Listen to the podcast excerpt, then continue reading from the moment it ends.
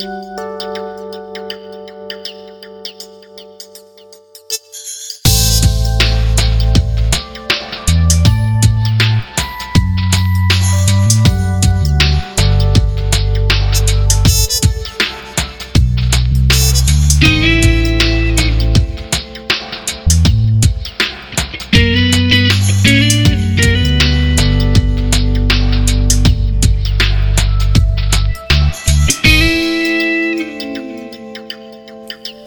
varmt välkomna tillbaka till Bibeln Idags podcast. Och idag så har jag förflyttat mig till Örebro och vi ska ha en planeringsdag här för den stora bibelfestivalen 2018. Eh, Och eh, då passar jag på att åka hit lite tidigare för att möta en tidigare gäst i podden, Mikael Tellbe. Välkommen! Mm, tack. Eller vem som nu säger välkommen. Ja, det får, ja, i och med att du ser, vi sitter på mitt rum så får jag säga välkommen. Men annars får du vara den som håller i rodret. Ja, vi kan göra så då. Ja, ehm, ett kontor fullt med bibelkommentarer, det är väl så det ska vara? Ja, det är faktiskt inte en enda bibelkommentar här tror jag. Utan bibelkommentarerna har jag hemma. Och här har jag övrig litteratur. Övrig, ja okej, det står Paulus och eh, vad har vi? Vad, vad dominerar hyllorna? Är det Paulus eller? Nej, ja, det, är- det är te, texter som har med Nya Testamentet att göra. Ja. Eh, Det, det, jag har en Jesushylla där. Bibeltolkningshylla där borta och där är Paulus ner dit. Och här är eskatologi här nere. Där är nytestamentliga teologier där nere. Så det är en viss eh, ordning i kaoset här. Ja, ja. Och på den sidan är det artiklar och diverse pärmar. Du är inte världens största kontor, men vi, vi får plats. Det får vi ja. Det är du, precis. jag och en trut. Ja, det där, eh, den, den står där temporärt. En silltrut från 1947 uppstoppad. Som jag fick eh, i, när jag besökte en bibelskola på västkusten. Ungdom med uppgift hade tagit över en folkhögskola. Jag tror det var 1988 och jag var där och undervisade en vecka. Och, eh, I och med att de hade tagit över fol- folkhögskolan så eh, tog de över även alla uppstoppade fåglar och djur. Så då fick du en. Ja, jag, jag, jag, jag, då, en av ledarna höll ett tacktal till mig och eh, bad mig komma fram och hålla truten. och varvid jag fick den här truten. Ja, Problemet var bara att transportera den därifrån på, på buss och tåg. Eh, Jag fick tämligen många som kastade ett öga, inte på mig men på truten.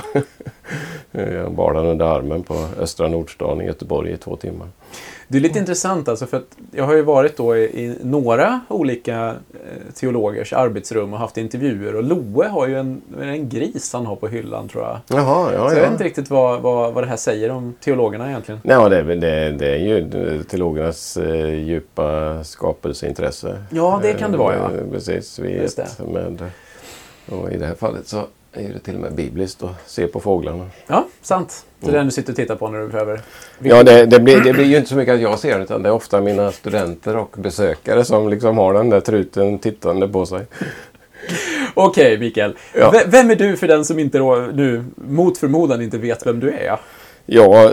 Eh, Man har ju förstått att du är teolog, antar jag. Ja, precis. Jag eh, arbetar för närvarande som eh, lärare på Örebro teologiska högskola och eh, det som kallas för ALT, Akademi för ledarskap och teologi. Eh, Undervisar i Nya Testamentet, eh, Nytestamentlig grekiska, bibeltolkning. Och det är väl min huvudsakliga sysselsättning. Sen sysslar jag även en del med bibelforskning, bibelöversättning, bibelförkunnelse. Och är utgiven författare i ett antal utgåvor. Du har skrivit om Uppenbarelseboken eller ja, framtiden överlag. Ja, två, i alla fall två böcker. Men sen har jag skrivit om Paulus i två böcker och bibelsyn.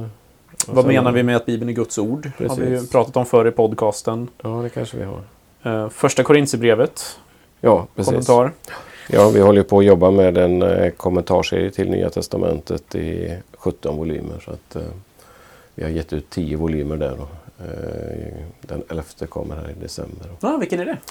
Det blir Lukas evangeliet Ja. Spännande. och sen Thessalonikerbreven till våren. Mm. Bra. Vilken bok var svårast att skriva?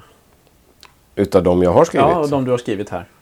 Ja, Jag vet inte. Ja, men för mig är skrivandet eh, inte en svårighet utan eh, jag skriver med inspiration och glädje oftast.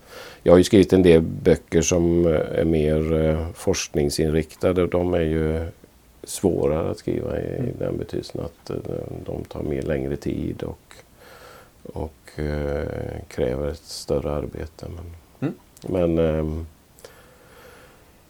det, om jag ska ta en svårighet så eh, jag skrev ju en bok som heter Lammet och odjuret, en guide till Uppenbarelseboken som kom 1997 och eh, förlaget och jag kom överens om att boken ska ges ut i en helt ny upplaga 20 år senare, alltså i, i år. Och för den har tryckts om i flera upplagor och eh, då tänkte jag Ja, men då gör jag, tittar jag över den igen språkligt, innehållsligt och skriver till. Det var vissa saker jag ville skriva till. Inte saker jag ville ändra på. Jag har inte ändrat ståndpunkt. Det var inte det. Men då började jag med det i, i slutet på förra året. Då. Det visade sig vara det var lite knepigare att ge sig in i sina gamla texter och rota. så, men, eh, men, så den här nyutgåvan som kom ut här i sommar till Lammet och odjuret Eh, ganska rejält omarbetad eh, språkligt. Jag har lagt till en del. Jag har gjort om allt bildmaterial. Jag har skrivit ett helt nytt kapitel. Eh, men återigen inte beroende på att jag har ändrat mig utan snarare att jag har velat lägga till och eh, både förtydliga och förenkla en del saker men också utveckla en del andra saker. Uppdatera bibliografi. Så att det blev ett mer omfattande än vad jag trodde. Jag tänkte det gör jag på ett par veckor men det tog ett par månader snarare att jobba om det där. Mm. Inte på heltid naturligtvis, men, men eh, deltidsarbete. Vi har eh, tagit oss hit idag för att eh, jag hade en konkret fråga till dig. I och med att du mm, har jobbat då med vad, vad vi menar när vi säger att Bibeln är Guds ord och vi har pratat om det som sagt tidigare. Eh, så vi kommer inte prata så mycket om just det idag. Men eh, när vi läser Bibeln så möts vi ju utav en ganska Ja, det är inte en bok som har samma stuk rakt igenom kan man väl lugnt säga, utan vi möter olika typer utav genrer. Det är ju mer som ett bibliotek vi kliver in i där du får gå till olika hyllor där du hittar olika saker. Ehm, och Vi vill ju gärna som bibelläsare inte bara tillgodose oss någon slags fakta utan också fundera på vad det här har med våra liv att göra. Ehm, och då är jag lite nyfiken på, det tänkte jag vi skulle ha ett samtal idag där vi tittar igenom Bibeln. Vad, vad gäller egentligen om man vill tillämpa eller om man vill fundera kring vad, vad olika typer av genrer kan ge mig i mitt vardagliga liv när jag läser det. För att jag tänker att det är olika beroende på vad vi läser. Um, vill du börja i, i den änden att, att bara, ja men vad, vad har vi för genrer i Bibeln egentligen? Ja, det finns ju en mängd. Det är, genre, det är ju som du sa, det är ju ett bibliotek vi går in i. 66 böcker men, eh, men det är olika eh, avdelningar. Men man går in i ett bibliotek idag så är vi väldigt medvetna om att det finns skönlitteratur, att det finns eh, faktaböcker, att det finns barnlitteratur, att det finns böcker som handlar om konst eh, eller biologi som är skrivna på ett visst sätt. Det vill säga, det, vi är väl medvetna om eh, om eh, olika litterära genrer. Men det är inte alltid vi är riktigt så medvetna om när vi kommer in i Bibelns värld. Men börjar vi från början så, så har ju vi ett antal historiska böcker i Gamla Testamentet. Eh, och de historiska böckerna från eh, eh Första Moseboken och fram till eh, Esters bok eh, det är ju berättande texter. Men vi möter även inom det vi kallar för de historiska böckerna olika typer av genrer. Här finns ju lagtexter i, i Moseböckerna. Och här finns även inslag av eh, poetiska texter i de historiska böckerna. Men annars så nästa stora avdelning är de poetiska böckerna i Gamla Testamentet med eh, Jobb, eh, Saltaren, Höga visan, Klagovisorna och Predikaren. Eh, och eh, där är ju det mycket eh, poetiskt berättat. Med sånger, metaforer, bilder. Tredje stora avdelningen är ju de profetiska böckerna i Gamla Testamentet med de stora profeterna och de tolv mindre profeterna. Kommit Nya Testament så har vi också en eh, avdelning med historiska böcker eller med mm, berättande text i alla fall. Eh, evangelierna och apostlagärningarna. Sen har vi naturligtvis brevlitteraturen som är en stor del av Nya Testamentet. Där de första kristna började skriva brev till varandra. Och sen har vi även det vi kallar för apokalyptik. Det finns även i eh, bland eh, en utav eller ett par utav de gammaltestamentliga profetlitteraturen.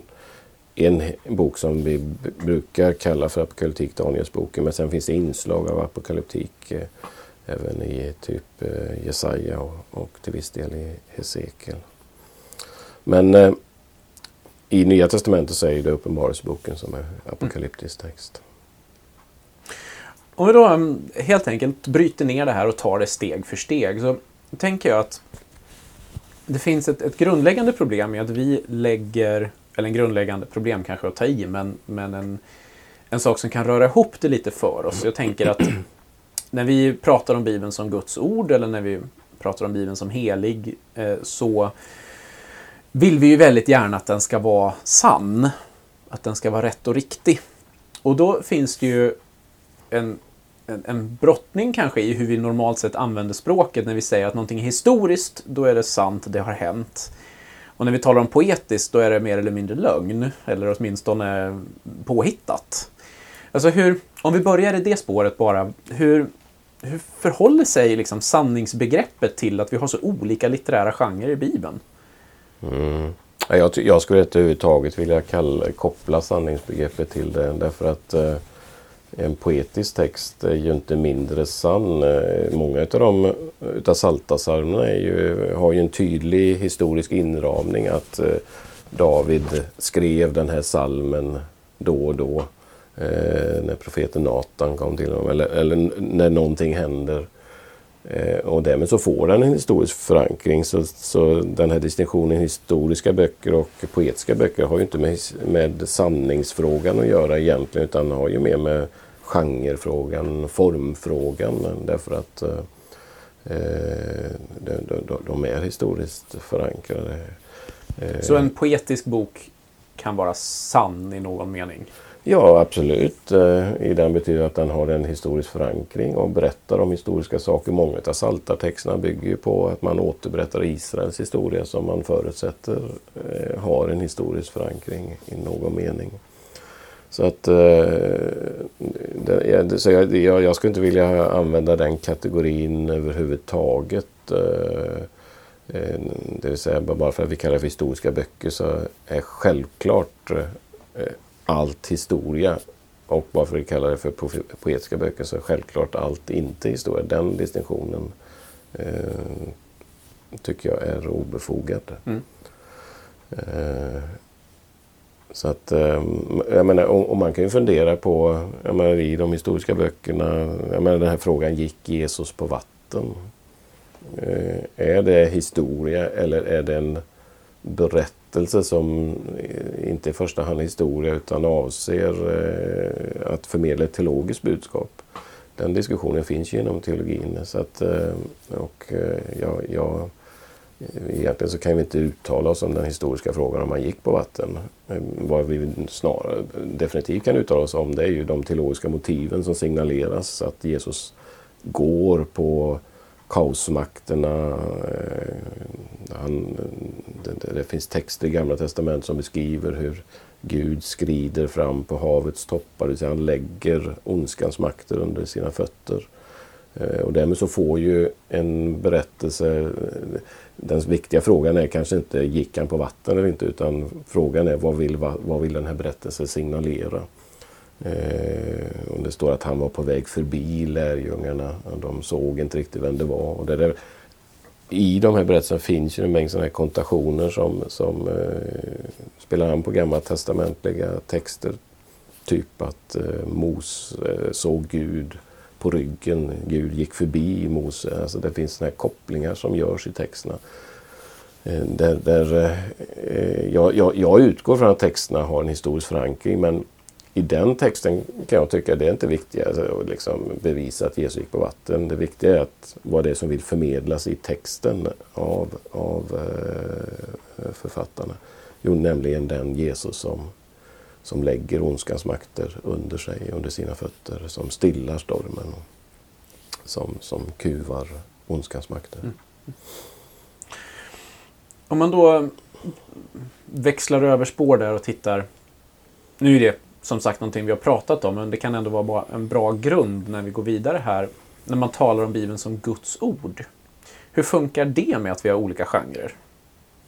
Ja, det, det, jag tycker det är en jättebra fråga därför att eh, säger vi att Bibeln är Guds ord så finns ju det en risk att vi läser alla texter som lagtexter.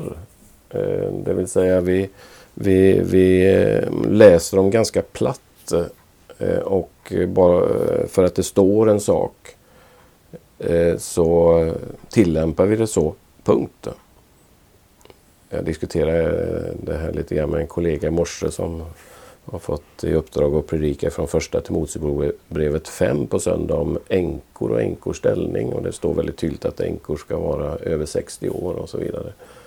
Eh, och det är ju bara lätt att reflektera. Ja, vi kan läsa andra texter i samma brev som Ja, så är det punkt. En del läser ju första Mosebrevet 2 om att kvinnan inte får undervisa mm. som en typ av nästan lagtext. Men när man kommer till första Timoteusbrevet 5 plötsligt så är det mig vetligen ingen i Sverige som tillämpar den texten bokstavligt och i enkomsorg och, och det här med att man ska vara 60 år och så vidare. Det vill säga vi, vi, vi kan ha en en hållning till texterna att vi, ja, vi läser dem som Guds ord, men vad menar vi med det? Betyder det att vi läser det som en lagbok rakt? Eh, alltså vi läser, vi läser Paulus som vi läser, eh, som judarna läser eh, Moseböckerna. Och samtidigt så blir ju det problematiskt för en kristen också därför att vi läser ju inte Moseböckerna som lagböcker heller som kristna. Utan vi, vi kan ju läsa dem väldigt selektivt.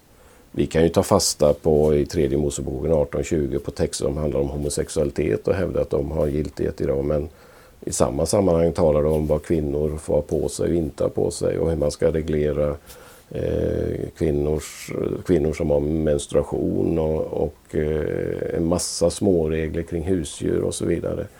Eh, det tar vi som icke-relevant och plötsligt så är det någonting som är relevant i de där lagarna. Så vi, även om vi har en hållning till att vi läser Bibeln som Guds ord och vi läser den bokstavligt och sådär så, så läser nästan alla bibelläsare skulle jag vilja säga läser den ändå selektivt.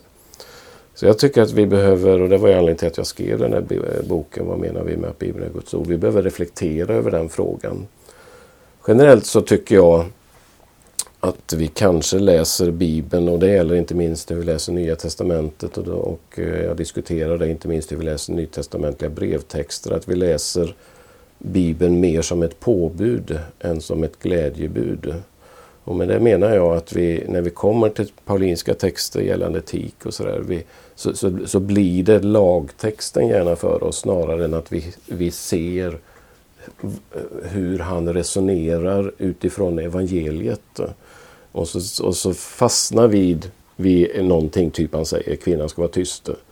Eh, snarare än att förstå vad evangeliet gör med människor. Det vill säga de här eh, specifika uppmaningarna kan bli viktigare än att förstå vad evangeliet gör med man och kvinna. Han säger ju i andra texter att här är inte man och kvinna i Kristus. Eh, och han kan säga i första Korinthierbrevet 11 och 10 att och i Herren så, så, så är eh, eh, det inte frågan om man och kvinna och så vidare. Eh, och eh, han, det märks att han kan diskutera olika paradigm eller utifrån olika paradigmen att det här Kristusparadigmet gör någonting med relationen man och kvinna. Som, som eh, är, är, handlar om hur evangeliet ytterst bryter ner eh, etniska, socioekonomiska genderbarriärer och skapar en ny människa i Kristus. Men eh, vi, jag tror att vi behöver reflektera över mm. det här. Eh, och, eh, och där ligger ju naturligtvis genrefrågan som du väcker här. Alltså hur läser vi mm. de här olika genrerna? För om vi då som sagt, vill man veta mer om just den så rekommenderar jag boken för du inbjuder verkligen till reflektion och samtal där. Eh, just kring frågan, vad menar vi när vi säger att Bibeln är Guds ord? Eh, men om vi då tar genrerna. Vi, vi, vi gör helt enkelt så att, okej, okay, vi förenklar lite nu. Vi börjar med de då historiska böckerna i Gamla Testamentet eh, som ju beskriver då historien från skapelsen till ungefär 400 år före Jesus föds. Ehm, om jag som bibelläsare idag sätter mig och läser dem så får jag ju en genomgång av eh, Israels historia, det judiska folkets historia. Jag får läsa en berättelse om eh, människor som gör rätt, människor som gör fel. Jag får också se Guds ehm, plan någonstans där jag ser hans eh, handlande med sitt folk. Han utväljer Abraham som blir ett, ja, en släktet folk och hur de, deras brottningar där genom historien. Men är det bara en historiebok eller kan jag göra någonting mer med de texterna som bibelläsare? Alltså hur ska jag... För många gånger så vill vi ju ha en, en tillämpning. När jag läst texten så vill jag ha någonting mer än bara lite fakta mig tilldelat. Hur tycker du att man kan hantera de historiska böckerna utifrån ja, mig och mitt liv? Rent allmänt. Jag förstår att det blir väldigt specifikt ibland, men eh, vi tittar på det allmänt. Ja, eh, det där är en väldigt stor fråga egentligen. Och det handlar ju också om eh, säga, hur jag ska i vilket syfte jag läser texterna. Mm. Eh, alltså jag kan ju läsa texter ganska fritt i min personliga individuella läsning men som förkunnare så mm. har jag ju ett större ansvar att inte liksom bara läsa liksom mellan raderna och sådär. Därför att eh, jag måste kunna stå för det här och det måste kunna vara, det prövas. För annars så kan man i princip säga vad som helst kring texter. Det vill säga jag, jag, jag kan ha en större frihet hur jag personligen läser och tillämpar en, eh, i, i mitt, mitt, mitt andaktsrum så att säga, än, än vad jag gör i predikstolen eller i förkunnelsen. Men de här texterna ska ju läsas eh, som, om vi tar de gammaltestamentliga historiska berättelserna, så ska det handla... Eh, man ska liksom läsa texten både i flera olika nivåer. För det första är ju det en berättelse som handlar om Gud och vem Gud är. Och det kan man alltid reflektera över i de här texterna. Ehm, men sen är det också en berättelse om Guds folk i historien och vad de erfar. Ehm, och sen är det berättelser om enskilda människor och individer. Och det kan det vara lättare att identifiera sig med enskilda ehm, människor människor, individer, vad de, eh, vad de känner och upplever och hur de brottas med Gud och sådär. Än, eh, kanske ett helt folk eh, och så här. Problemet när man läser de historiska böckerna och det gäller ju, ju eh, typ och jag kanske ska säga inte minst för den kristna kyrkan när man, när man läser apostlagärningarna. Det är ju att man gärna gör en berättelse till en normativ text. Bara för att de första kristna gjorde så, så måste vi göra så idag. Det vill säga man letar mönster. Det kan ju handla om mönster för hur församlingar ska byggas, för mönster hur man ska ta emot den helige Ande, i vilken sekvens och så vidare i relation till omvändelsedop och, och andedop som eh, en del väljer att kalla det för. Eh, och det vill säga man, man, man hittar normativa mönster. Att så här gjorde man då och därför gör vi så idag. När det gäller apostlagärningarna så vill jag hävda att det finns väldigt lite normativa mönster, till exempel vad det gäller hur församlingar struktureras. Skulle Lukas ha tänkt att huvudsyftet med den här boken ska vara att ge normativa mönster för hur kyrkan ska ledas, så har jag varit övertygad om att han hade implementerat en tydligare struktur för församlingarna. Skulle Lukas syfte vara att ge ett normativt mönster för hur anden ska tas emot Eh, så är jag övertygad om att han har gett en mycket tydligare struktur för det. Just nu så, så, så kan man hitta olika sekvenser i mottagandet av anden i relation till omvändelsedopen och, och tungotal och profetia och så vidare. Eh, så, så eh, faran är när vi gör erfarenheten till normativa mönster. Det gäller gammaltestamentliga texter. Han eller hon upplevde det på det sättet, därför måste jag uppleva Gud på det sättet. Eh, erfarenheten är ju, alltså de här texterna är ju en skildring av människors erfarenhet av Gud i historien. Men erfarenheten behöver ju inte alltid vara normativ för, för en annans erfarenhet och det tycker jag är viktigt att komma ihåg. Jag tycker kanske är viktigt för den personliga läsningen att ändå försöka leva sig in i både folket och individers eh, eh situation i den personliga läsningen. Eh, och, det, är ju texter som de är ju inte censurerade och tvättade från, eh, från, eh, från det jobbiga. Och, och jag satt och läste Gamla Testamentet här för rakt igenom de historiska böckerna för en tid sedan och, och liksom slog mig att ja, men, det, det, det, är ganska många jobbiga texter och liksom som väcker frågor kring Gud och, och eh, som inte är självklara. Och, och eh, eh, hur människor har brottats med Gud och reflekterat över Gud. Sen finns det naturligtvis många fantastiska texter men, men eh, eh, jag tror att det är viktigt och, och både, både med inlevelse och också med att få ställa frågor. Mm, men också så att, säga, att kunna också skapa både närhet till texten men också kunna skapa distans när det liksom man inser att det här är inte riktigt min fråga eller brottning. Mm. Jag lämnar det. Mm. Kommer tillbaka till till lite grann om en stund. Men om vi då tar steget igenom här och så kommer vi till de poetiska eh, böckerna.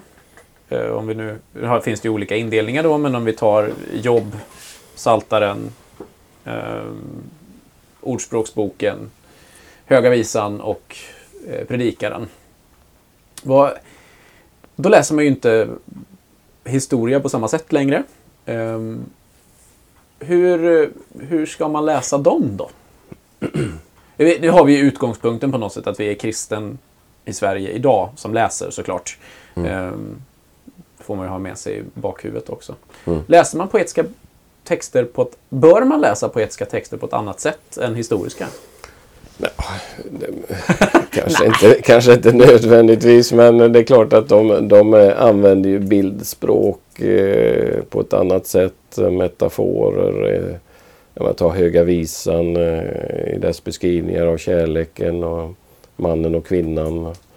Din, din hals är som Babels torn. Ja, när man ska visualisera det där. Jag var, oj, vilken hals. Det är ungefär som jag säger till min hustru att ja, din hals är som svampens vattentorn i Örebro. Ja, men, ja jag kan möjligtvis tänka mig att... Jag, jag tror för det första att hon skulle liksom uppskatta det. Men, men det är ju liksom...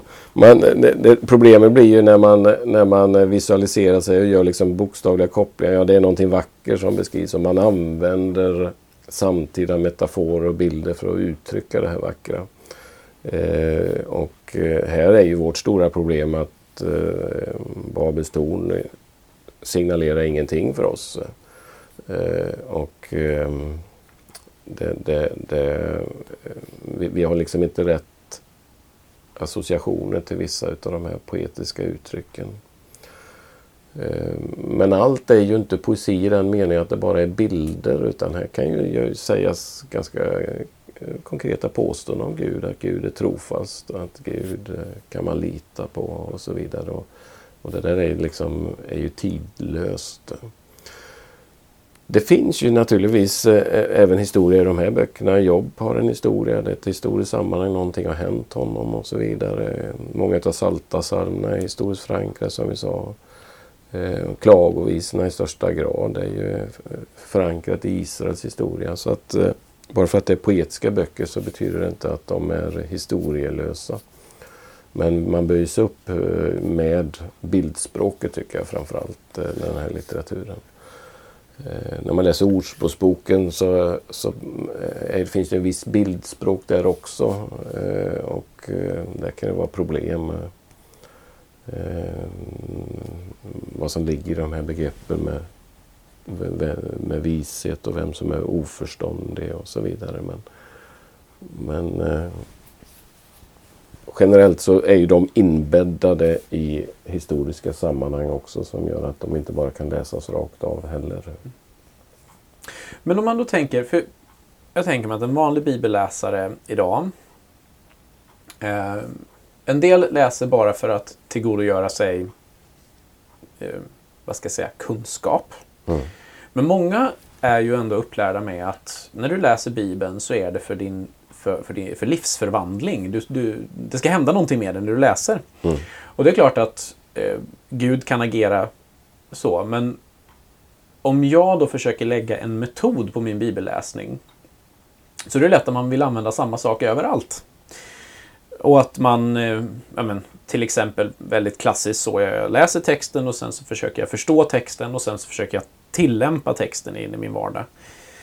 Eh, och här funderar jag lite på just ordet tillämpa. För många gånger tycker jag att när jag pratar med människor och när man försöker förstå varför man inte läser eller varför man tycker läsningen är svår eller varför man tycker läsningen är jobbig. Så finns det någonting där i att ja, men, jag känner inte att den ger någonting. Det producerar ingenting. Det, mm. eh, man kan läsa igenom hela första och andra krönikeboken och man har inte en enda tillämpning med sig därifrån. Och, och då tycker man att då har man inte lyckats. Mm. Alltså hur ser du på, på, på det just i mötet? För jag tänker att en historisk bok och en poetisk bok här borde inte det skilja sig en del?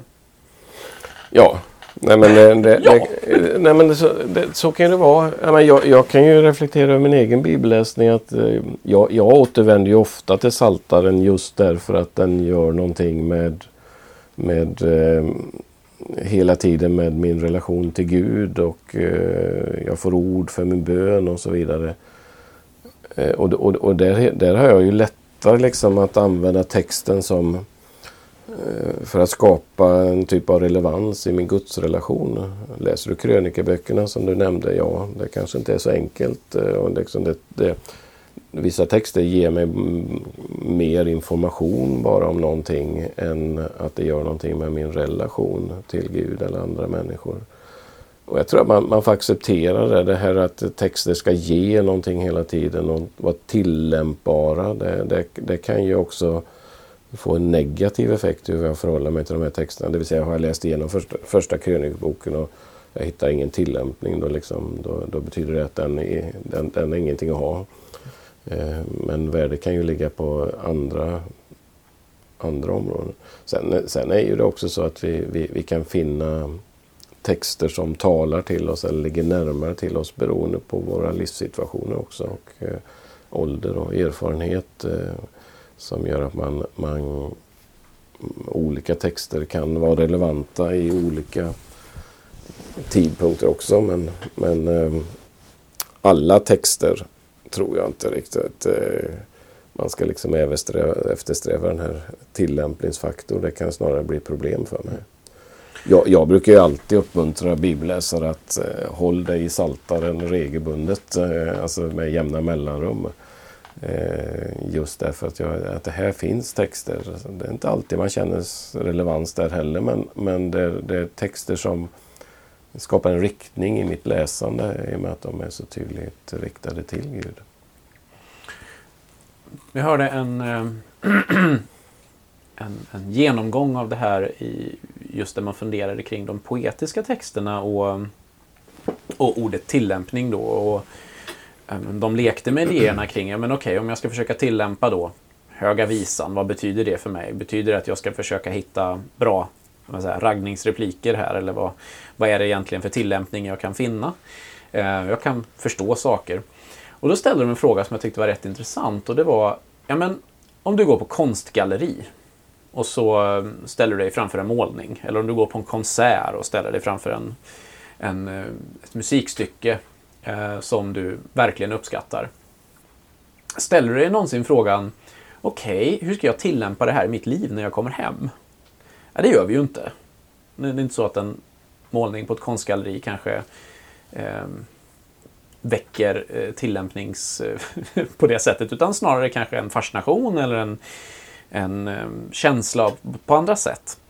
Så de eh, pratade om att eh, nej, men är det så vi ska se också till viss del på, på de poetiska texterna för att på något sätt få bort lite grann av den här, eh, det här kravet på ständig tillämpning. Att Ja, men det kanske, de här texterna kanske har ett annat huvudfokus, även om det kan finnas tillämpningar. Att, att här ska du fascineras över Guds storhet eller över kärleken eller mm. ja, så vidare. Mm. Eller att det ska bli din bön, det är i och för sig en tillämpning. Men mm. mm. vad tänker du om en sån bild? Ja, nej, men jag tycker det låter, eh, låter klokt. Eh, eh, därför att eh, Ja, men tar man den Höga Visan eh, så, så, kan man eh, lägga märke till att folk har ju brottats med tillämpningar. Men Höga Visan är ju, är ju beskrivning av kärleken och erotiken mellan man och kvinna och eh, den handlar ju om det. Men man märker ju i kyrkans historia att ja, den där boken den blev också problematisk när det gäller tillämpningsfrågan. Vilket gör att man ganska snart börjar läsa den som en beskrivning av kärleken mellan Gud och församlingen. Eh, och där kan man se att, eh, att det är ju den här tillämpningsfrågan som leder till det. Mm. Och det har blivit så mycket i vissa kretsar och sammanhang genom historien att eh, man till och med har glömt att det är faktiskt en, en erotikskildring. Och det tror jag delvis har att göra med, eh, delvis i alla fall vissa perioder, har varit handlat om kyrkans problematik att hantera sexualiteten. Men, men att man har liksom förandligat hela texten. Men Eh, där kan man se hur, eh, hur eh, den här tillämpningsfrågan har också gjort om delvis en text, mm. vad den egentligen handlar om. Men eh, det, det, jag, eh, jag, jag, reser återigen en varningens flagg över det här med att tillämpningen, att vi hela tiden ska skapa relevans för, för vår tillämpning. Ja, det är bra, men, men det, det kan ju också göra att vi Eh, det, det kan bli ett, bli ett hinder för vår läsning också.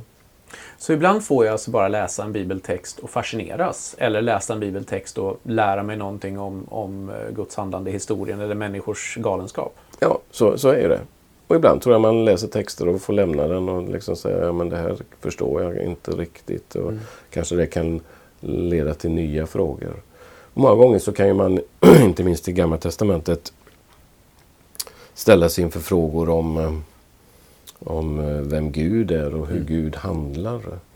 Eh, och, och, och, där tycker jag det är viktigt att eh, man eh, gör två saker. Och det finns naturligtvis mer. Men för det första att, man, att, att vi lär oss att läsa Bibeln tillsammans.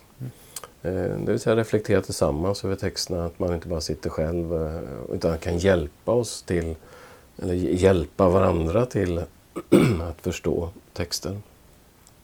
Och det andra råd jag vill skicka med är ju att eh, också som kristen läsa texter ur, utifrån Kristushändelsen. Det vill säga vad gör Kristus med den här berättelsen?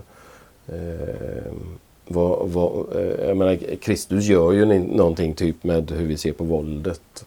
Eh, där Kristus talar om att, att eh, vända andra kinden till. Och, att inte hata sin broder och, och så vidare. Det vill säga han i Jesus Kristus så läser vi inte Gud som våldets Gud.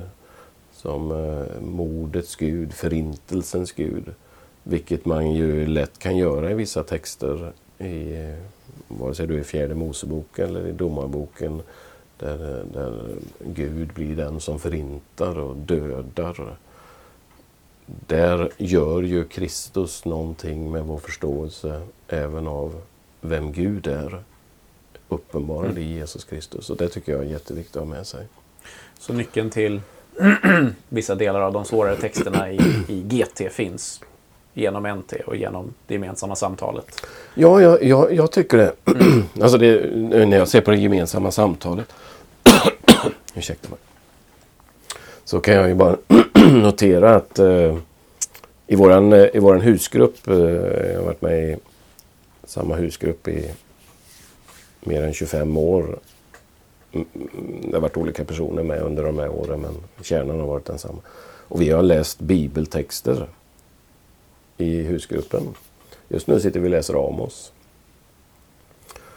Och det är ju den här läsningen tillsammans och det här lyssnandet Reflekterandet tillsammans som ofta ger väldigt mycket och som öppnar upp texten och hjälper mig att förstå den också. Eh, och eh, i vår grupp så finns det de som har teologisk utbildning med sig men det finns de som inte har läst eh, en vecka teologi egentligen mer än att eh, reflekterat naturligtvis. Men, men eh, det är ju den här blandningen och lyssnandet av hur, hur vi, vad vi uppfattar i bibeltexterna som, som eh, också skapar ett möte med texten. Jag, jag, jag, det hjälper mig väldigt mycket att höra bibeltexten genom min bror eller min syster och eh, eh, höra. Det kan ju vara både erfarenhet men också frågor som ställs i möte med texten som, som kan bli viktiga. Mm. Jag kan inte minnas en kväll i husgruppen när vi har gått ifrån det och läst bibeltext tillsammans där, där vi liksom konstaterar det här talar inte till mig. Mm. Mm. Utan det finns alltid någonting som liksom vi tar fasta vid, även om det är en ganska tuff eh, domsutsaga över Moabs folk i Arbos bok eh, så, så kan vi ändå börja diskutera eh, frågan av vad, vad hade de gjort? Eh, vem är Gud som dömer? Varför dömer Gud? Och vad vill Gud? Vad, vad, vad är det Amos är ute efter? och så vidare. Alltså, vi, vi, det, det, det, finns alltid något man kan reflektera över. Mm. Och inte minst den här kopplingen som många av mina vänner hjälper mig. Kopplingen mellan Bibelns värld och vår egen tid och vår, mm. vår, vår värld. Och där är ju intressant nog kopplingarna ofta väldigt, eh, väldigt många. Men nu är du inne på nästa typ av texter då. En ganska fin övergång eh, till profeterna. Mm. Eh, hur läser jag idag profeternas domsord och profeternas löften eh, som bibelläsare i Sverige idag. För det här är ju onekligen skrivet i en annan kontext och till andra människor och skiljer sig i litterär genre från historiska och poetiska böcker. Vad har du för tips när man läser profeterna? Annat än genom Jesus och, och i grupp såklart. Men, mm. men äh, är det något specifikt just när det gäller profeterna? Ja, alltså, för det första tycker jag ju att man ska förstå att profeterna, man, man är profet i sin tid. Eh, det vill säga en profet är historiskt förankrad. Det är någonting som har hänt. Eh, det är någonting man reagerar på. Och många profetiska utsagor är ju väldigt tydligt kopplat till en specifik händelse. Någonting som har hänt. Eh, vilket gör att det kan vara svårt att läsa profeterna ibland därför att man vet inte riktigt vad som har hänt. Eh, om vi tar Amos som exempel igen. Ja, men det, det, det ges ju väldigt inledningsvis specifik angivelse när han profeterar. När Ussia och Jerobeam var kung. Två år efter jordbävningen. Ja. Liksom, Jaha, ja, var är vi då?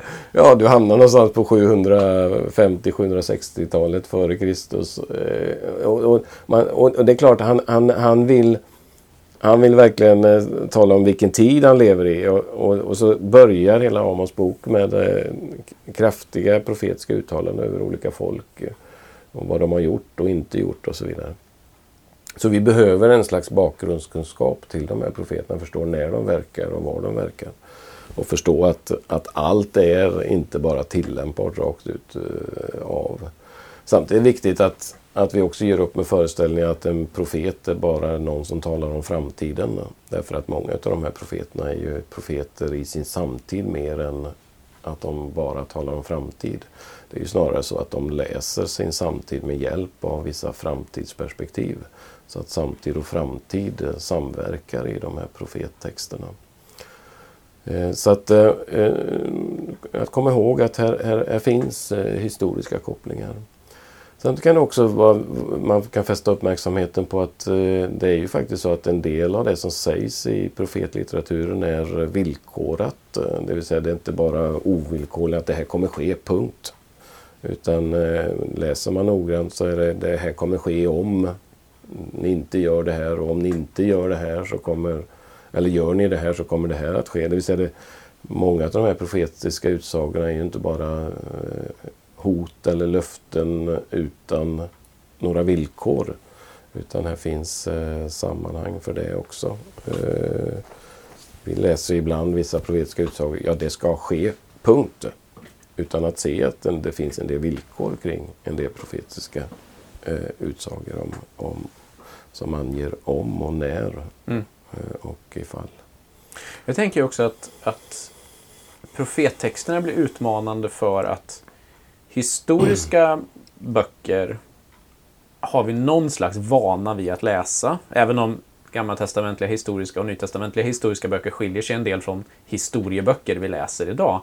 Så är det ändå en, finns en viss vana. Eh, och poesi kan du ändå hitta på ett bibliotek i ganska stora hyllor. Men profetia är ju inte någonting som vi på samma sätt är vana vid att läsa, förutom Nej. om vi läser Bibeln. Nej. Och det är kanske en större utmaning att förstå där. Ja, det tror jag. Det tror jag vi, och, och profettexter är ju inte alltid lätt att läsa, för det är ju också en blandning. Det, det är mycket poesi även mm. hos profeterna. Bilder, kopplingar och de talar i, med metaforer och, och så vidare. Så det, det, det, profettext är ju en av kanske de svåraste texterna att mm. läsa och tolka i Bibeln. Mm. Vi väntar med apokalyptiken till slutet. Det känns passande på något sätt. Och så tar vi Nya Testamentets då historiska böcker. Då blir det klart, det blir lite lättare att tillämpa. Vi har ändå Jesus som ledstjärna i våra liv som kristna och en del av det som han säger är något sånär lätt att lyfta över till en konkret tillämpning. Men eh, hur läser man evangelierna och apostlagärningarna? Vi har varit inne lite grann på det. Säger att det kanske inte är så att vi ska läsa dem som de gjorde så, därför ska vi göra exakt likadant. Eh, som exakt hur den första församlingen ser ut i Jerusalem. Kanske inte så som en församling alltid måste se ut. Men hur ska jag förhålla mig till eh, Nya Testamentets historiska fem här? Vad, kanske också i jämförelse med Gamla Testamentet. Finns det någon skillnad i hur jag ska läsa dem? Nej, den stora skillnaden är ju, som du säger, det är ju, det är ju Jesus-gestalten. Eh, vilket eh, ju ger naturligtvis en annan dimension, en annan relevans i vissa texter. Jesus säger det här och, och eh, möter alla de här människorna. Eh, jag, jag, kan ju tycka att många gånger kan det vara lättare att läsa de texterna eh, men precis som i Gamla Testamentet tror jag att en viktig nyckel när det gäller att läsa det på ett personligt plan och för tillämpning det är ju, det, det är ju förmågan att leva sig in i texter.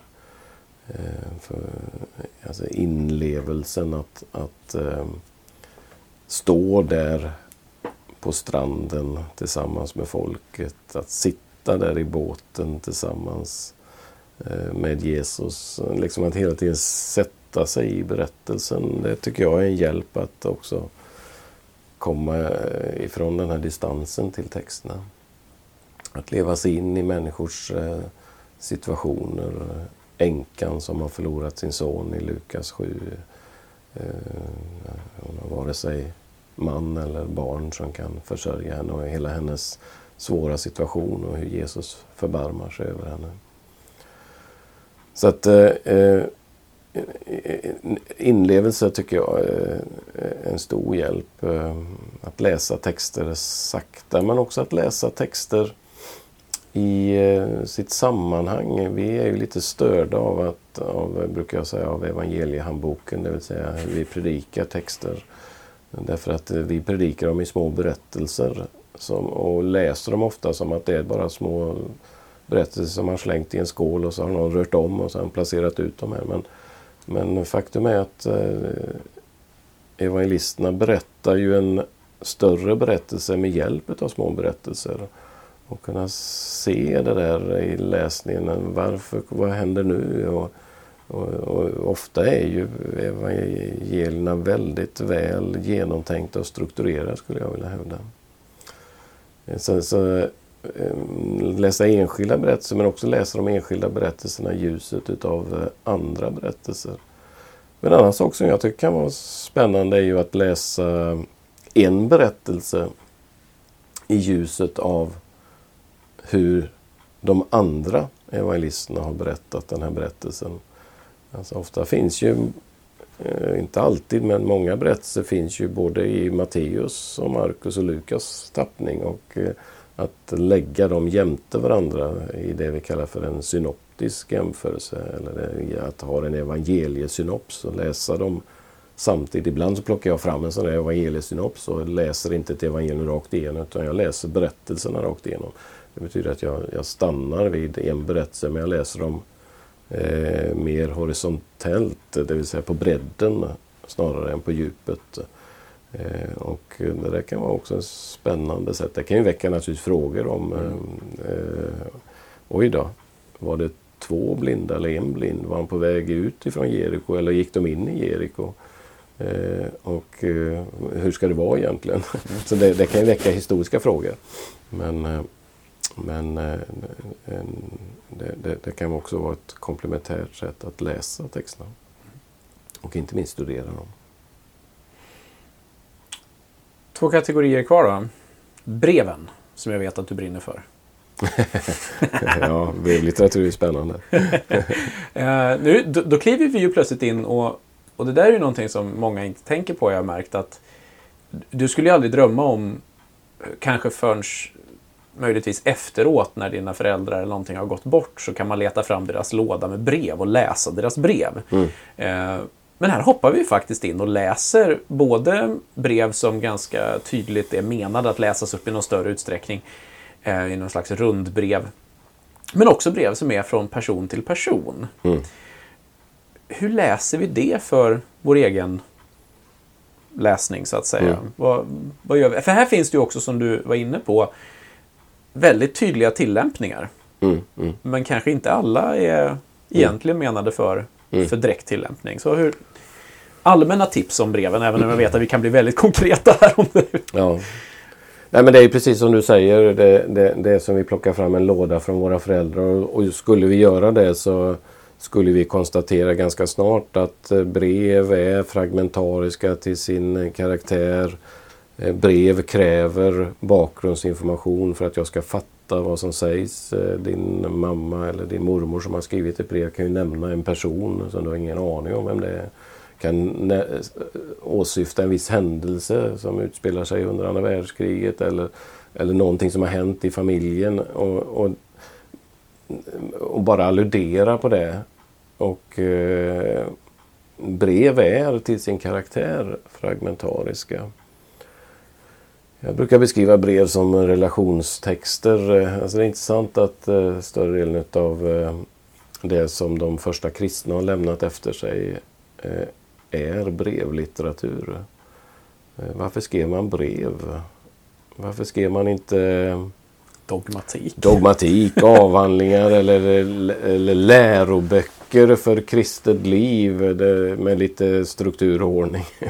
När man skriver brev, man bygger på relationer. Eh, och eh, Eh, det, det, det, det, signalerar för mig att den kristna rörelsen var en relationell rörelse. Man hade kontakt med varandra och man adresserade varandra i personliga situationer. Men just brevkaraktären blir ju eh, väldigt mycket mer historiskt eh, bunden på det sättet också. Jag satt och läste Koranen med en vän för en tid sedan och jag reflekterade just då över att utan att lägga någon direkt värdering i det, att Koranen såg ju väldigt annorlunda ut i relation till de här breven som jag satt och jobbade med just då. Ehm, där det var mycket, ofta påståenden eller befallningar eller utsagor som var ganska tidlösa, inte kopplat till ett historiskt sammanhang. Men läser vi till exempel första Korinthierbrevet så består det av en mängd problem som församlingen i Korint eh, jobbar med Eh, Eh, och som man har ställt frågor. Och eh, det intressanta med Paulus brev är ju att, att eh, frånsett kanske romarbrevet, men även det är ju situationsbetingat. Men i romarbrevet så har han mer tid för att utlägga sitt evangelium. Men första Korinthierbrevet är ju helt annorlunda. Där är ju inte poängen att utlägga sitt evangelium så mycket som att svara på frågor med hjälp av sitt evangelium. Och det är det som gör det brevet väldigt spännande. Eh, därför att hela tiden så tillämpar han evangeliet på olika frågor. Vad innebär det när du står där vid avguda offertemplet mm. eller altaret eh, och är troende? Vad innebär det när du står utanför bordellen och eh, är på väg in? Hur ska du tänka som en kristen? Och en Kristus troende. Och, och, och det där är ju det där är ju jättespännande med breven. Men det kräver ju en viss förståelse av, eh, av situationen naturligtvis också. Ehm, eh, hur, hur, eh, varför man offrar till avgudar i antiken och eh, att allt kött som fanns var mer eller mindre offrat till avgudar och så fort du gick på en offentlig restaurang så var det offrat till avgudar och köttfärsen du köpte på, på marknaden det var offrat avgudar. Det, det, det, det liksom, vi, vi, vi hamnar ju i en historisk situation som gör att vi inte alltid begriper allt som sägs eh, och eh, vi behöver bakgrundskunskaper. Problemet blir ju när vi läser breven som jag påtalade tidigare, som vi läser en lagtext, det vill säga allt som Paulus säger ska tillämpas eh, bokstavligen Eh, i vår, oberoende av kultur. Eh, men samtidigt så märker vi, och det är ju vårt problem när vi läser många bibeltexter, att det finns ett avstånd mellan oss och texten i tid, i kultur, eh, i eh, samhällssituationer och betingelser. Så att eh, eh, där, där är ju utmaningen att läsa brevtexter. Samtidigt så kan ju det vara också lättare att läsa brevtext ibland. Man lever sig in i en församlingssituation. Det finns ganska mycket konkreta råd och anvisningar som faktiskt är tidslösa. Läs till exempel Romarbrevet 12. Den talar om att, eh, att eh, hålla kärleken levande och att inte eh, svara ont med ont. Eh, och att eh, välsigna varandra och så vidare. Alltså det, det, det är ju en otroligt tidslös text egentligen, hela Romarbrevet 12 och alla de uppmaningar som finns där som, eh, som eh, har en, hade en enorm relevans. Men 2000 år senare så kan vi tala om, ja den där texten den kan vi nästan läsa rakt av och, och finna tillämpningar även i vår tid. Vi ska gå in för landning. Du ska få säga någonting om apokalyptik. Och så ska vi runda av efter det. Men eh, apokalyptiken är alltså då, ja men som du sa, delar, delar av GT. Men, men det kanske mest kända är ju då Uppenbarelseboken. Som ju talar om, i en syn och en vision så ser vi eh, vad Hannes får se om, om framtiden. Eh, vad hur läser jag Uppenbarelseboken? Det är väl en hel bok att svara på det, men du får några minuter. Ja, tack för det. tack för din generositet. ja, det, det, det skulle vi kunna prata mycket om. Och det här har ju kyrkan brottats med i alla tider. Hur ska vi läsa den här? Mm. Alltså, det märker vi redan på, på mot slutet av 100-talet, början på 200-talet. Man diskuterar hur ska det här förstås? Och man kan märka tydligt eh, kristna som läser Uppenbarelseboken mer som en historisk text och andra som läser som en, en, en eh, typ av eh, framtidsvision. Så att det bara handlar om framtid.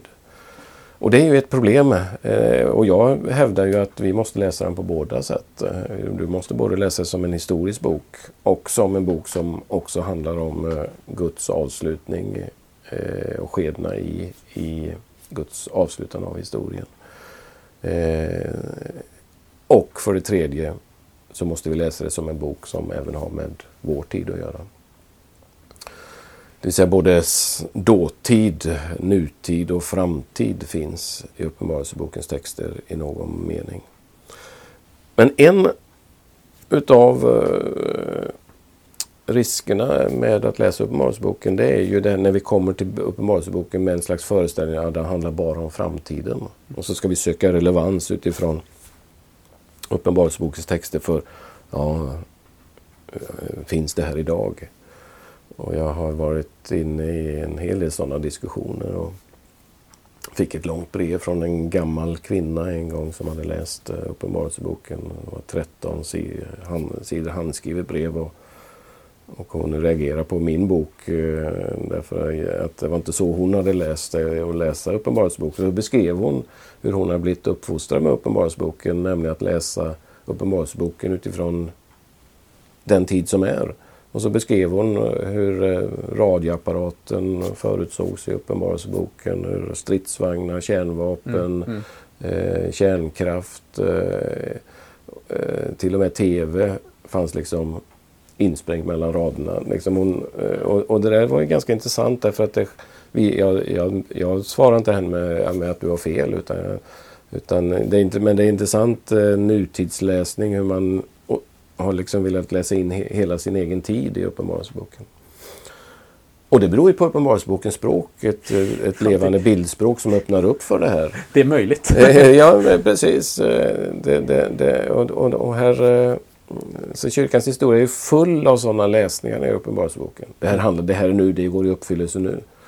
Och så står vi fortfarande och bara kan konstatera att ja, det har nog inte gått i uppfyllelse.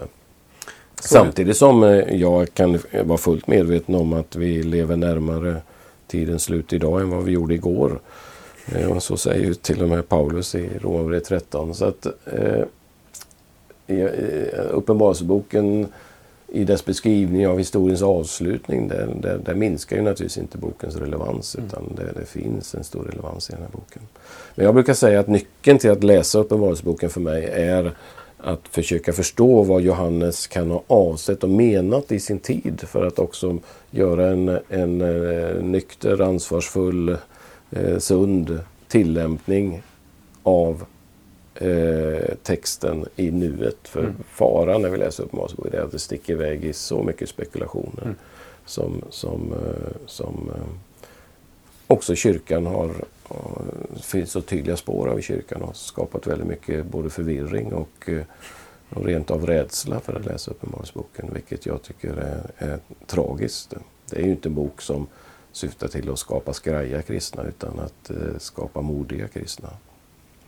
Ja. Jag såg en... Eh, sällan man ser sådana saker på Facebook eller på att säga, men det var någon som hade lagt ut en bild på Facebook där det stod eh, så eh, för, förutspår du exakt när Jesus kommer tillbaka. Mm, mm. Steg ett, låt bli. ja, det var bra. det kanske är ett gott råd. Ja, det kanske var ett gott råd. Ja, ja. Eh, jag tänkte du skulle få avsluta med, med att säga någonting övergripande. För att när man börjar skrapa på ytan av det här och när man börjar se Bibeln som ett bibliotek och när man börjar se att det finns olika genrer och att vi eh, behöver förstå vad vi läser för genre, vi kanske behöver förstå historien, vi, sådär. Så finns ju risken att vi känner Kan jag överhuvudtaget läsa den här boken eller behöver jag 100 poäng minst på högskola för att ens våga närma mig boken? Det blir ju lätt att det låter som att man måste kunna så mycket. Um, och om man nu känner så då, det här blev väldigt svårt. Jag som bara vill läsa Bibeln. Hur, vad vill du säga till den som känner så? Ja, sluta tänk så.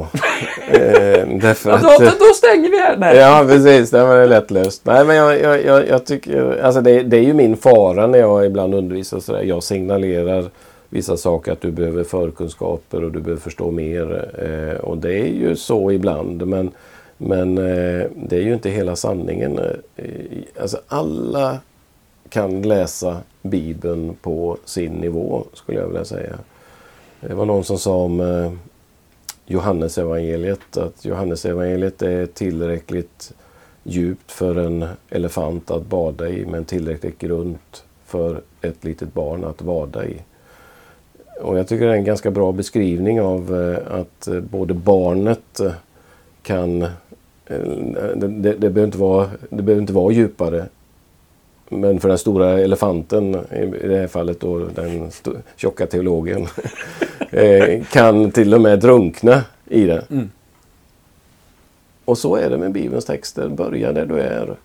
Eh, men jag tycker, och det, det, det, säger jag till mina studenter, att det bästa redskapet du kan ha med i när du, när du eh, ger dig in i Bibeln och börjar fundera och reflektera, det är, det är nyfikenheten. Mm. Att ställa frågor, att fundera. Vad betyder det här? Vad betyder det? Och vad kan det betyda idag? Liksom eh, interagera på utifrån din utgångspunkt med bibeltexterna hela tiden. Eh, så jag, jag vill jag, jag, och jag, det är ju min erfarenhet. Jag blev kristen i tonåren och kasta mig in i Bibeln? Ja, det är ju inte mycket med mig. Bibeln talar enormt. Och här sitter jag idag, eh, drygt 40 år senare och eh, bara konstaterar att eh, de här texterna fortsätter att eh, tala De fortsätter att utmana, de fortsätter att störa mig. Eh, och jag har hela tiden känslan att jag, jag är inte klar med det här. Du har snabeln precis ovanför ytan. Ja, knappt. Precis. Men tack så mycket.